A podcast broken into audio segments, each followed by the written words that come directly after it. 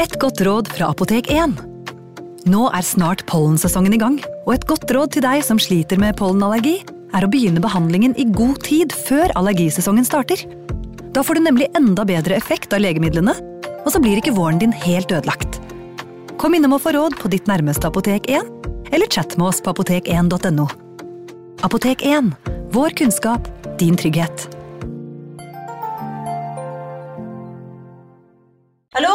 Jeg kommer fra Oslo politikammer. Ine Jansen er purk. Er du purk? The motherfucking bitch. Alt jeg vil, er å finne ut hva som skjedde med mannen min. Jon Carew. Er jeg sikta for noe? Iben Akeli. Det er du. Ole So, Lars Berrum og Big Daddy Karsten. Hvem sin side er du på, egentlig? Anette Hoff, Tone Danielsen, Kommer du fra Afrika? Jørnis Josef, Nesten. Kløfta. Trond Espen Seim, Det er synd å si det, men det var feil mann som døde. Purk. Premiere tirsdag på TV2 Play. Ungsamtalen fra DNB er økonomisk veiledning tilpasset deg som er ung. Bokk en ungsamtale på dnb.no. slash ung. Det er kjempebra hvis du skal inn på boligmarkedet, hvis det er drømmen din, liksom. Det er det du skulle sagt. Og så kunne du ropt litt mer, da, sånn som jeg gjorde. Bam! Advarsel. Historiene vi forteller i denne podkasten kan være fiktive og avvike fra den opprinnelige historien av dramaturgiske årsaker. Meninger og påstander i historiene reflekterer nødvendigvis ikke programledernes meninger eller virkeligheten.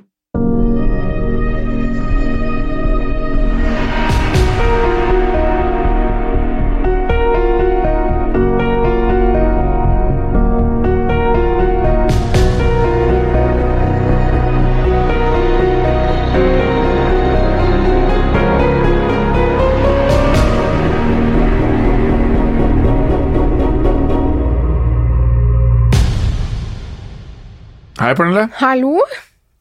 Dette her er nå dagen etter halloween. Det er det. Ja. Eh, eh, eh, kledde du deg ut i går? Jeg kledde meg ikke ut. Jeg, øh, jeg kan jo si det nå, siden denne episoden sendes etter at det har skjedd. Ja. Men jeg er alene hjemme hele helgen, så jeg lå egentlig hjemme på sofaen og så på en skrekkfilm. Ja. Så det Eh, betyr at du skal se på en skrekkfilm i helgen? eh, det kommer jeg også til å gjøre i helgen, ja. Mest Ja. Eller kanskje jeg ikke skal gjøre det, for jeg, blir, jeg bruker mye tid nå på, på natten til å være våken. Men Hvilken skrekkfilm så du? I går så, så jeg Halloween. Den Du så halloween på halloween? Ja. Det er rått. eh, den nyeste Halloween-filmen. Eller nye, den er vel fra 2018, kanskje. Ja. Eh, helt midt på treet. Helt midt på treet, Men skrekkfilmer er Noen av de beste er helt midt på treet. Ja, det er det. Det var jo, altså jeg syns de Halloween-filmene er fantastiske. Jeg, altså det er jo, Selv om man kanskje kan stille spørsmål ved liksom plott, sånn hvorfor, hvorfor skal Michael Myers drepe Men de Han er sint. Ja, han er grinete. Ja. Men, um, men jeg syns de eldre er bedre ja. enn denne nye. Jeg liker vel at posituren din i dag, eh, Pernille, sitter ytterst på stolen din. Jeg er så redd for ikke å komme opp av stolen. Ja, fordi nå er det, det her er det mest gravide jeg har sett deg. ja, dette er det mest gravide jeg har vært. Jeg synes du blir mer gravid hver uke. Ja, Jeg tror nesten jeg gjør det. Mhm. Det virker, det kjennes sånn. Eh, jeg skal også se veldig mye på film denne helgen som kommer. Hva skal du se, da? Jeg tror i hvert fall jeg skal utforske den nye Eddie Murphy-filmen, hvis du har fått med den, som har kommet på Netflix. Er, er For han er egen, han er, eh, nei, nei, Nei, det er okay, ikke skrekkfilm. Det det. det er ikke skrekkfilm. Han er egentlig litt sånn uh, over the top, føles det ut som. Men uh, veldig mange som jeg stoler på uh, har en god smak på film, sier at uh, man bør se den. Så jeg Hmm. kommer til å tune inn på den. Og så tror jeg jeg må se siste sesong av Ballers på HBO med The Rock. Det er såpass. Ja, det er ikke så Det er sånn skum, type skummelt, dette her. Har du noe å anbefale hvis jeg skal innom det litt mer skumle kaliberet, da? Du, jeg har nettopp begynt å se på en film Nei, en TV-serie på Netflix som heter Den er fransk. Den heter Marianne. Ja, Marianne. -hmm. Oh, Eller, altså, den heter jo ikke det, den har ikke sånn engelsk De sier det vel på en litt annen måte. Mar Marianne. Marianne. Eh, Det er en skrekk-TV-serie Mm. som jeg egentlig ikke hadde hørt om før, for jeg bare kom over den på, Sjekke på Netflix? på Netflix. Ja, Nei, den, på, eh, på IMDb. den virker Det er liksom om en sånn krimforfatter eller skrekkforfatter. Jeg har bare begynt, jeg har sett ti minutter av første episode, så jeg skal ikke men Ja, hva syns du? ja, den virker veldig skummel og spennende. Så jeg skal prøve å se den i helgen, men det er litt Er det den her? Det er den, ja. Oh, ja. Hva har den fått på IMDb? 7,6. 7,6. Er akkurat på grensen, det. Ja, det her skal jeg tune inn på, faktisk. Kanskje det her er helgen min. Mhm. Du må holde deg til skrekk, du må holde Ja. det skummelt. For om nøyaktig Jeg tenker vi er ferdig om det her med episoden om halvannen, to timer eller noe sånt. Og da skal jeg hjem, skal jeg lage taco sjæl. Eh, og så etter det så tror jeg jeg skal tune inn på Marianne, faktisk. Ja, den, er, Mhm. Jeg- den virker lovende, så jeg gleder meg til å prøve å se den. Mm. Jeg er så usikker, for jeg, jeg blir litt reddere for tiden enn hva jeg bruker å bli. Ja, for du har vist meg eh, bilder av en dukke, og, og etterfulgt av en film av samme dukken. Ja. Ja. Eh, Det var jo en dukke, en hjemsøkt dukke. Jeg tør nesten ikke å legge den ut på Instagram, for den er ganske skummel. Men er det en story vi kunne prate om, eller er det bare at den er skummel? Jeg tror det, det er egentlig Den ser helt forferdelig ut. Hva det gjør den? Og så er det en mann som har den, som har prøvd å kvitte seg med den, var det ikke det han sa? Som uh, han ikke har klart det. Men jeg tror ikke det er noe skumlere enn det. Han mener at den er hjemsøkt, men han sa ikke noe hvorfor han Men, trodde men det jeg syns var litt rart at han ikke klarte å kvitte seg med den, det var bare at eh, han har lagt den ut på det som er tilsvarende Finn i Australia eller noe sånt, Mm. men at ingen ville ha den. Som jeg skjønner, da. Ja. Men uh, hvis du vil kvitte deg med den, du, du Kaste den. Ja, Du ser hvordan det da de prøvde å kaste Annabelle. Altså, det er jo ikke noe ja, det vil seg ikke. Det vil seg ikke. Nei, de kommer tilbake. Ehm, utover det så tenker jeg egentlig at vi kan gå rett på storiesene, og, og nå er det jo sånn at uh, Hvor langt unna er vi den nye podkasten, sånn at snakkingen kan ta hovedfokus fremover i den nye podkasten vår? Jeg vet, jeg tør ikke å si noe, for da blir, eh, Ja, da blir det, da blir det da blir det ramaskrik. Nei da, Ja. men så- Ja, det blir faktisk Ja, det eh, det. Helt seriøst, med disse podkastene her, så er det sånn at folk mister det litt hvis man ikke leverer det på timen eller på dagen. Da blir det dårlig stemning. ja. Så jeg tør ikke å si noe. Nei. Så Jeg skal fortelle deg en uh, ting som vi egentlig ikke har pratet så mye om i podkasten. en hemmelighet. Nei, det er ganske offentlig, Ja. så det er motsatt av en hemmelighet. Og det er det at uh, vi akkurat nå ligger på Skrekkbånd sin Instagram-konto, som ligger på 8906 følgere. Mm. Så da er vi, hvis jeg har forstått det riktig, under 1100 følgere til unna å få sånn uh, swipe-up. Ja, det, for, for det la jeg merke til. Ja. Vi snakket jo om um, Uh, en eh, Hva heter det hva, hvilken, Nå kommet gravidhjernen min og tar meg. Ja. Um, Ja. Stemmeskifte. Ja, hva sa du? Det er jo, jo i forbindelse med skogvokteren, skogsvakten, skog... Hva, hva var det vi kalte den? Herregud, beklager. Ja. Ja, Skogsvakten. ja. Det er ganske klart, da. Ja. Um, den uh, forfatteren driver jo og skal skrive en um, bok som han ikke har skrevet ennå, så sa jeg nå kan jeg legge ut link til Ja. denne boken, eller altså hans eh, Det er vel en sånn annen konto han har, da. Men vi kan jo ikke swipe, har jo ikke noe swipe-up-funksjon, man kan ikke legge inn link i kommentarfeltet. Men jeg Så- tror ingen fikk det med for ingen, ingen som klagde. Jeg har ikke sett noen har klagd på det enda, men det kan hende noen spør. Ja. Men eh, hva med at vi får 10 000 følgere, så kan jeg legge ut noe link? Ja, det var det jeg tenkte. Mm. Så eh, kan ikke folk bare gå inn og følge, da? I og med at vi har mange hundre tusen som hører på dette her, så, Ja, kan, ja, så kan ikke folk bare gå inn og følge Instagram-kontoen, så vi kommer opp på swipe up function. Ja, så vi blir litt kule, vi òg. Ja. Ok, eh, skal vi bare starte med episoden? Ja, nå tror jeg vi starter når vi er episoden? langt over tiden, er vi ikke det? Ja, seks minutter. Ja, det var Ja. Og Håkon skal redigere dette her. Eh, Hei, Håkon. Hei, Håkon. Ja, Og så kan vi starte. Yes, Vil du starte? Jeg kan starte. Ja.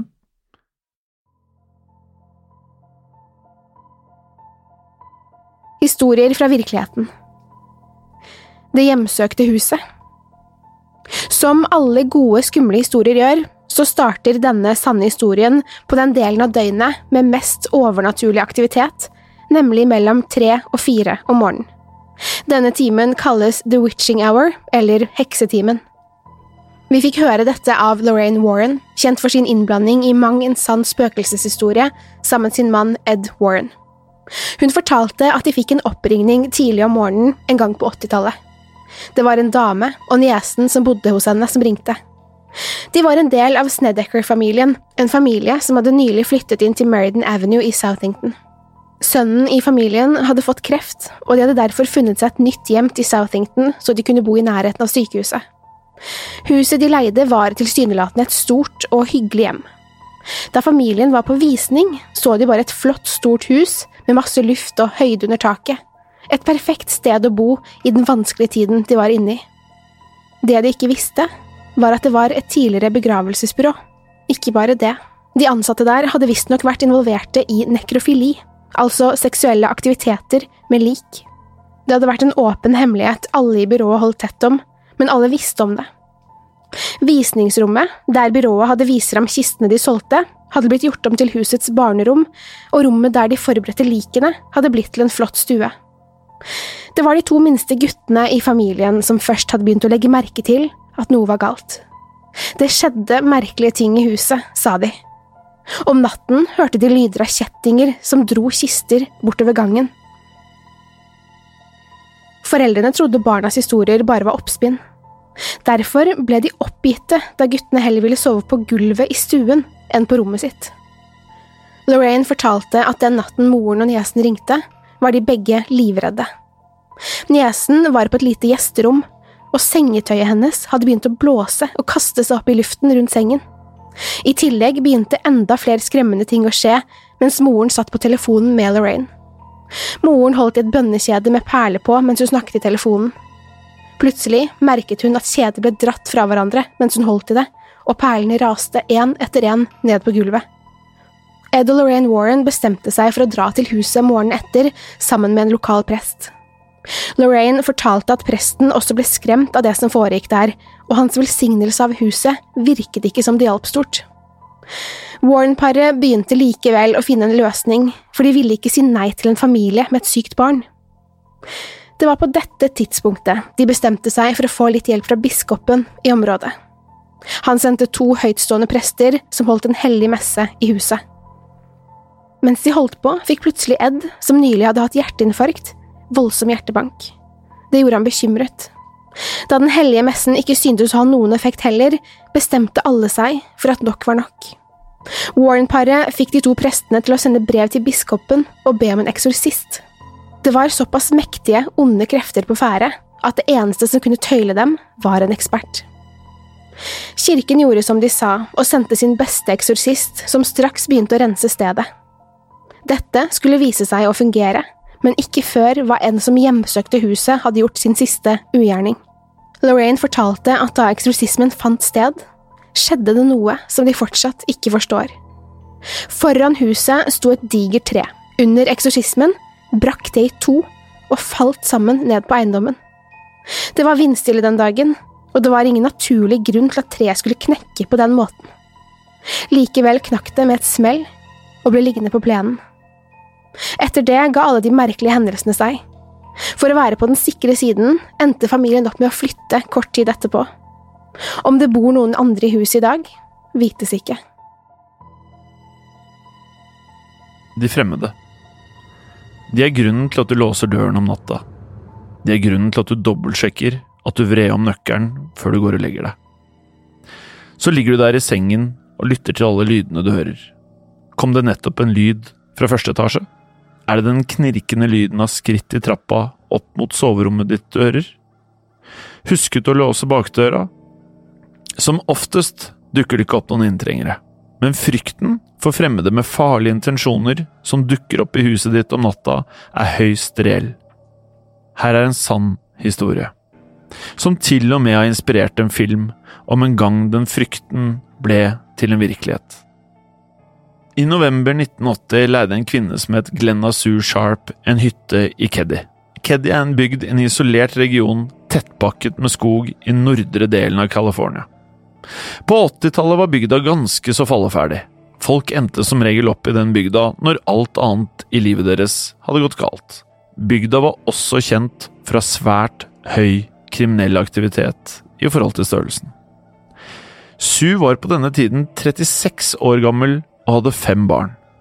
Hun var egentlig fra Connecticut, men hun og barna var på reisefot for å komme seg vekk fra den voldelige ektemannen hennes, James Sharp. De fant seg til slutt til rette i Keddy, der de leide en treromshytte, hytte nummer 28.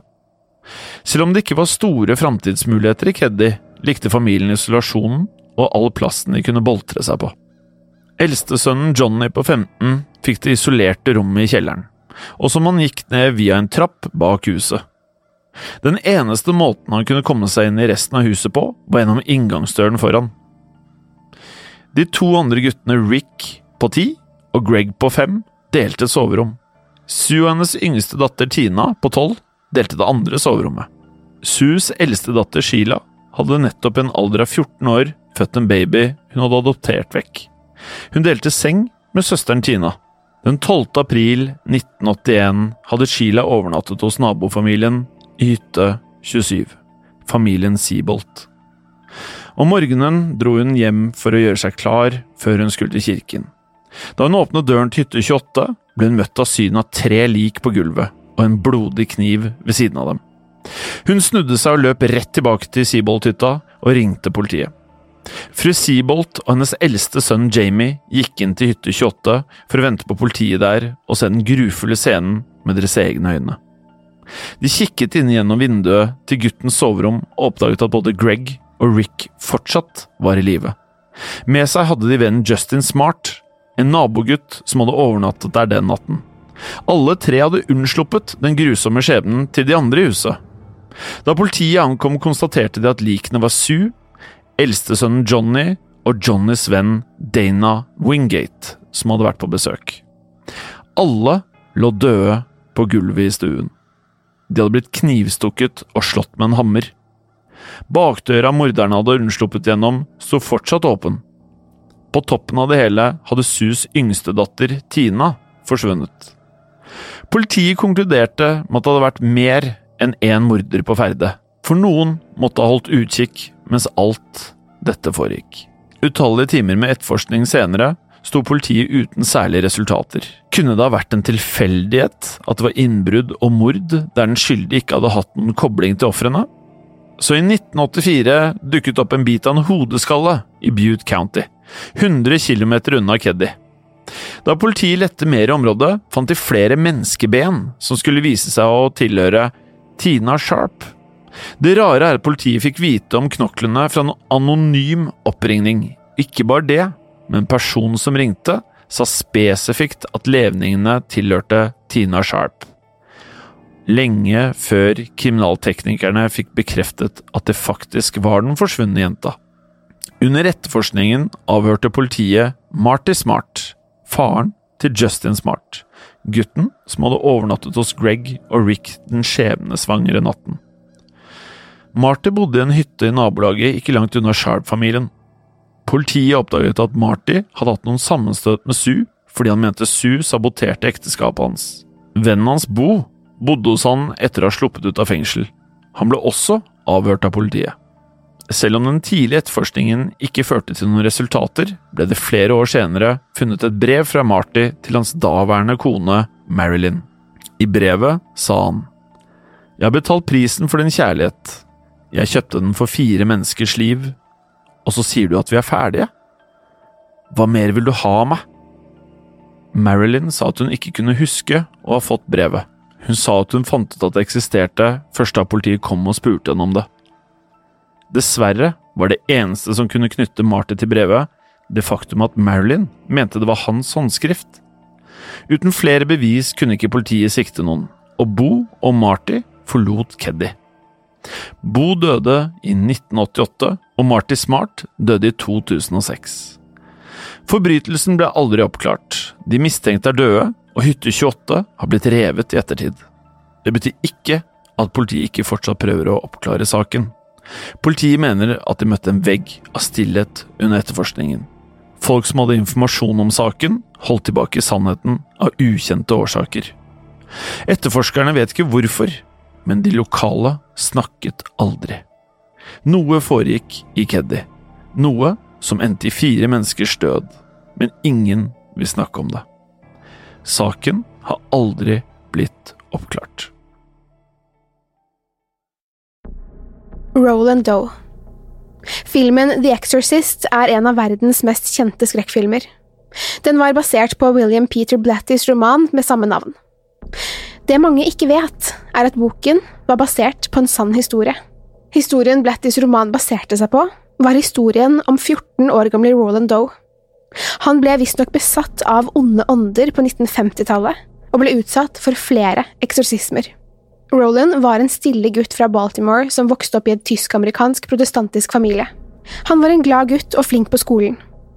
Imidlertid forandret livet hans seg for alltid fra det øyeblikket han brukte et Ouija-brett. Hans tante Harriet døde i 1949, og siden han var svært glad i henne, forsøkte han å prøve å komme i kontakt med ånden hennes. Avisartikler fra den tiden forteller at det begynte å skje merkelige ting i huset til Doe-familien rett etter at Roland forsøkte å kontakte det hinsidige. Først begynte familien å høre uforklarlige, skrapende lyder fra veggene. Så begynte møbler å flytte på seg, og når familien gikk inn i et rom, kunne gjenstander plutselig bli kastet gjennom luften mot dem. De overnaturlige hendelsene stoppet ikke bare hjemme. Vitner fortalte at Rolands skolepult begynte å kaste seg fra side til side og treffe andre elever når han var på skolen. Avisartiklene skriver også at Roland begynte å få voldelige utbrudd, hukommelsessvikt og det som beskrives som galskapsanfall. Foreldrene hans begynte etter hvert å bli desperate, og de spurte sin lokale kirkeminister om hjelp. De var overbeviste om at gutten deres var blitt besatt av sin nylig avdøde tante. Da en prest kom på besøk til familien, skal Roland ha ropt noe på latin som kan oversettes til O prest av Kristus, vit at jeg er djevelen. Presten fortalte foreldrene at dette ikke var tanten hans, men noe mye verre. Dessverre var det ikke stort han kunne gjøre mot de kreftene som bodde i gutten deres. Doe-familien, fulle av redsel og bekymring, sendte sønnen til et katolikkdrevet sykehus kalt Georgetown University Hospital. Der forsøkte flere prester å drive den onde demonen ut av ham ved hjelp av flere eksorsismer. Ifølge historien var ikke dette en enkel oppgave. Flere ganger skal Roland ha unnsluppet lenkene som holdt ham nede, og gått løs på prestene med brutal vold. Under et forsøk på å bannlyse demonen påsto en av prestene at han kunne se ordene helvete og ondskap dukke opp på tenåringens kropp mens madrassen ristet. Et vitne skal ha sagt at det var 48 mennesker til stede under en eksorsisme, der prestens nese ble brukket av Rolands voldsomme spasmer. Heldigvis virket det som om Doe-familiens problemer tok slutt etter denne hendelsen, og en rapport fra sykehuset fortalte at gutten dro derfra og hadde et ordinært liv fra da av. Likevel har historien hans fortsatt å fascinere gjennom generasjoner. Sonny Bean, Skottlands mest berømte kannibal. Vi vet lite om den tidlige delen av Sonny Beans liv, men det sies at han ble født i East Lothian på slutten av 1400-tallet. Han var læreforedler av yrke. Den senere delen av livet hans er litt bedre dokumentert, og begynte da han flyttet til Eyeshire og giftet seg. De nygifte herr og fru Bean slo seg til ro i Benan Cave i Ballantry. Benain Cave er et system av huler i stein som går på kryss og tvers med små sidepassasjer. Senere skulle unge parets familie kjenne alle disse hulegangene ut og inn. Siden Sony ikke hadde noen jobb etter flyttingen, bestemte han seg for å brødfø seg selv og sin kone gjennom kriminelle aktiviteter. Det var ingen vanskelig sak å legge seg i bakhold på de smale veiene mellom landsbyene og rane uheldige reisende. En dag slo det han at det ville være lurt å myrde ofrene han ranet, slik at lovens lange arm ikke ville få vite hvem som sto bak tyveriene. Han ble etter hvert svært effektiv som ransmann og morder. Snart ante han muligheten til å slå to fluer i en smekk. Han kunne både kvitte seg med bevisene og slippe de brysomme turene til mathandlerne. Alt han trengte å gjøre, var å legge om kostholdet for seg og kona til en høyproteinsdiett bestående av menneskekjøtt. Det nye kostholdet falt i smak hos kona, og snart begynte fru Bean å bære fram den ene babyen etter den andre. Til sammen ble det 14 barn i Bean-familien, alle med en usunn appetitt for menneskekjøtt. Barna vokste etter hvert opp, og senere produserte de sine egne Bean-barn seg imellom. Med kannibalisme på samvittigheten hadde ikke så mye mot incest på toppen av det hele. Ettersom det ble flere munner å mette, vokste kokkeleringen. I løpet av to tiår vokste generasjoner av beanbarn opp i Benen Cave. De var svært dyktige når det gjaldt drap og det kannibalistiske kjøkken. Særlig var de flinke til å salte og sylte kjøtt så det skulle vare. De lokale myndighetene begynte å ane at noe var på ferde, for de samlet etter hvert opp en imponerende lang liste over savnede personer. Selv om store massesøk ble igangsatt i området for å finne de savnede og de skyldige, så tenkte ingen på å lete i dypet av Benan Cave. Årene gikk, og Bean-familien ble eldre. De vokste også i antall, takket være høyproteinstietten. Ettersom de vokste, vokste også appetitten. Så mange som et halvt dusin ofre kunne bli angrepet samtidig i noe som kunne ligne et koordinert militærangrep fra Bean-hæren. Likene ble deretter fraktet tilbake til hulene, hvor kvinnene i familien forberedte dem, og de ble satt inn i spisskammeret. Det skulle likevel vise seg at selv de mest møysommelige planlagte operasjoner kunne gå skeis. En kveld angrep Bean-hæren et ektepar på vei hjem fra et marked. En gruppe rev kona ned fra hesten hennes og drepte henne, mens den andre gruppen rakk å slå ektemannen hennes i bakken. Da mannen innså hva slags skjebne som ventet han, kjempet han hesten sin framover og red den ned over angriperne. Mens han kjempet for livet, kom en gruppe på rundt 20 mennesker til som også hadde vært på markedet. Da de så hva som hadde skjedd, angrep de, og for første gang var Bean-hæren i mindretall.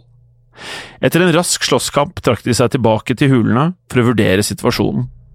Tilbake på åstedet var liket av en kvinne, en haug av vitner og en svært sint ektemann. Mannen ble tatt med til embetsmannen i Glasgow, som ble veldig fascinert av mannens historie. Embetsmannen la to og to sammen og innså at dette må ha en sammenheng med områdets mange savnede personer. Han bestemte seg for å ta saken til landets høyeste autoritet, nemlig kong James den første. Ikke lenge etterpå kom kongen til Ayrshire med 400 menn og en flokk med sporhunder. Sammen med de lokale som meldte seg frivillig, begynte den største menneskejakten i landet noensinne. Som før gikk letingen gjennom landsbygda og kystlinja på Ayrshire, og heller ikke denne gangen fant de stort. Så fikk en av hundene ferten av råttent menneskekjøtt ved en av hulinngangene. Jakten gikk deretter i gang for alvor.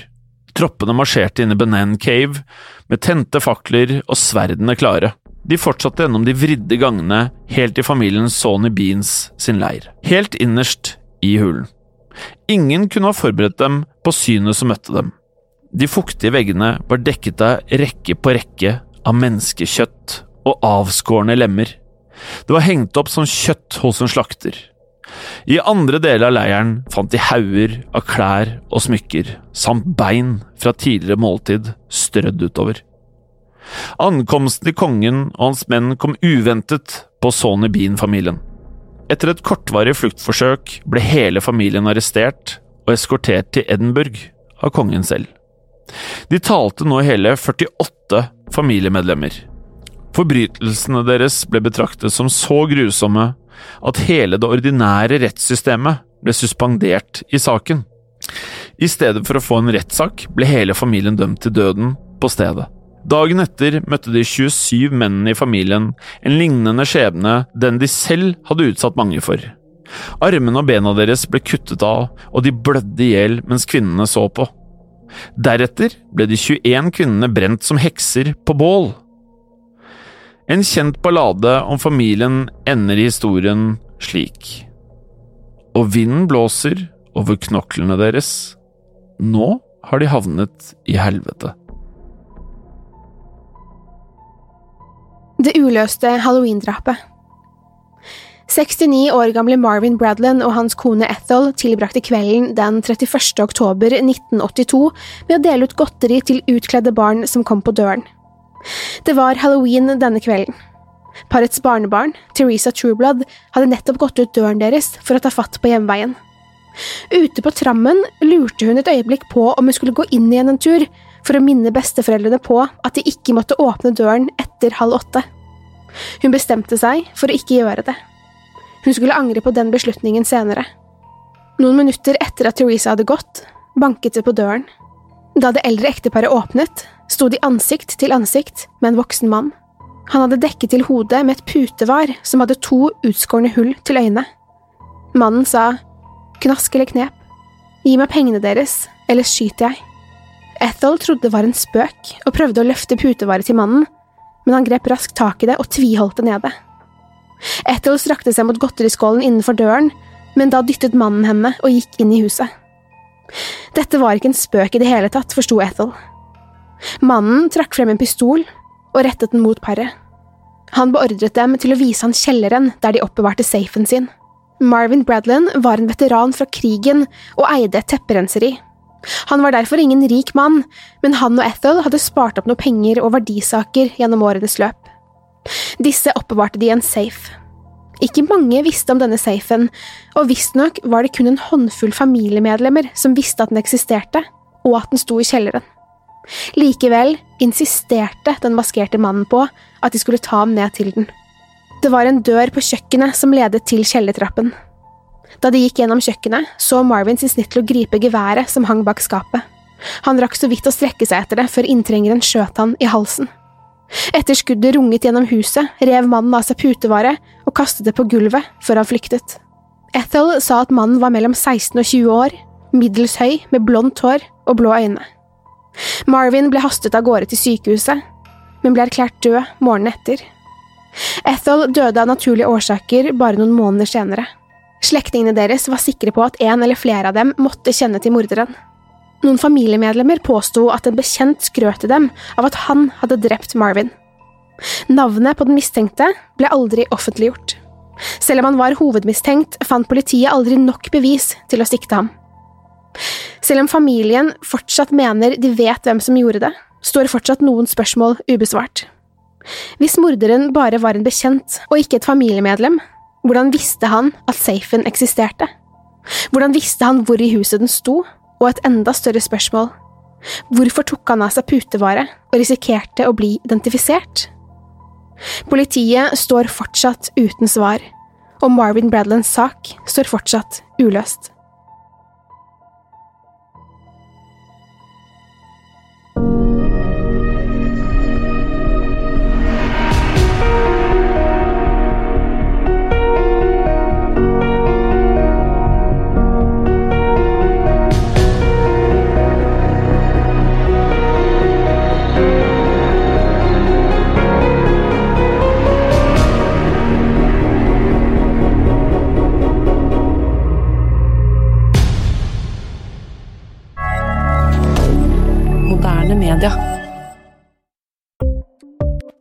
Ukens annonsør er Folio, en smartere banktjeneste for deg som har en egen bedrift eller ønsker å starte for deg selv. Folio er en superenkel nettbank for bedrifter. Som kunde i Folio får du en bedriftskonto med et bedriftskort og app. I denne appen er det smarte løsninger som forenkler regnskapet ditt, uansett om du har en liten bedrift eller et enkeltpersonsforetak. Folio er både intuitivt og brukervennlig, og er laget med et enkelt språk. I tillegg tilbyr de forutsigbare priser og ingen skjulte gebyrer. Skulle du likevel trenge det, så kan du snakke med deres raske og hyggelige kundeservice, og der får du prate med en faktisk person og ikke en chatbot. Folio er med andre ord både enklere og koseligere enn banken. Over 10 000 bedrifter har allerede valgt Folio som sin banktjeneste, så besøk folio.no og se hvordan Folio kan forenkle din hverdag også. Har du et enkeltpersonforetak eller en liten bedrift? Da er du sikkert lei av å høre meg snakke om hvor enkelt det er med kvitteringer og bilag i fiken, så vi eh, gir oss her, vi. Fordi vi liker enkelt. Fiken superenkelt regnskap. Kiwi er billigst i VGs matbørs og har vært billigst i fire av de fem siste VGs matbørser. Og nå presser vi prisene på frukt og grønnsaker. På 200 gram broccolini setter vi prisen til 24,90. På 400 gram Cevita blåbær setter vi prisen til 49,90. Og husk, alle Kiwi Pluss-kunder får i tillegg 15% trumfbonus på all fersk frukt og grønt. For det er vi som er prispresserne. Og vi i Kiwi gir oss aldri på pris.